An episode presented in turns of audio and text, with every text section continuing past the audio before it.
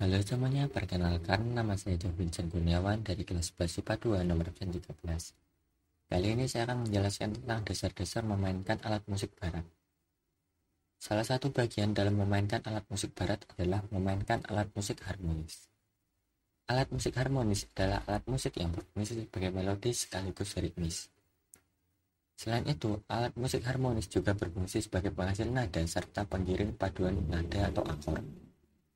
Contoh jenis alat musik harmonis adalah piano, organ, keyboard, gitar, siter, dan sasabun. Selanjutnya ada memainkan alat musik dalam grup atau yang kita kenal dengan ensemble. Dilihat dari jenis-jenisnya, ensemble dibagi menjadi ensemble sejenis, ensemble campuran, dan orkestra. Pada kesempatan kali ini saya akan lebih memfokuskan terhadap ensemble sejenis. Ensemble, ensemble sejenis adalah ensemble yang memainkan alat musik yang sama atau sejenis. Misalnya adalah ensemble perkusi, ensemble tiup, ensemble gesek, dan lain-lainnya. Yang pertama, ensemble perkusi. Ensemble perkusi adalah alat musik yang dimainkan dengan cara dipukul. Contohnya adalah rampak, gendang, rebana, drum band, marching band, gendang, dan lain-lain. Yang kedua adalah drum band atau marching band. Drum band atau marching band adalah musik perkusi yang dibawa oleh pemain dan dimainkan dalam barisan. Kelompok yang memainkan instrumen musik perkusi sambil berjalan disebut juga sebagai drumline atau battery. Yang ketiga adalah ensemble tube.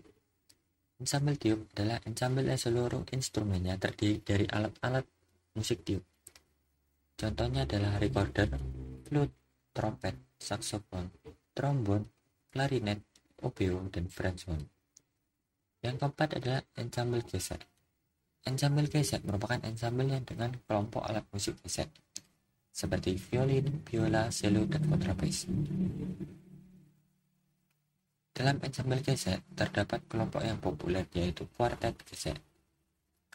Kuartet gesek merujuk pada sebuah kelompok yang terdiri dari dua pemain biola, satu viola, dan satu cello. Biola yang pertama biasanya memainkan alat musik dengan nada yang lebih tinggi. Viola kedua memainkan nada yang lebih rendah dengan harmoni.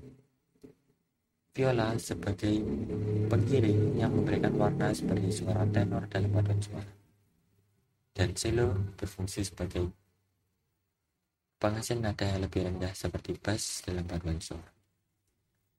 Yang kelima adalah ensemble petik atau gitar. Sesuai dengan namanya, ensemble ini menggunakan instrumen utama berupa gitar. Sekian penjelasan dari saya tentang memainkan alat musik harmonis. Terima kasih.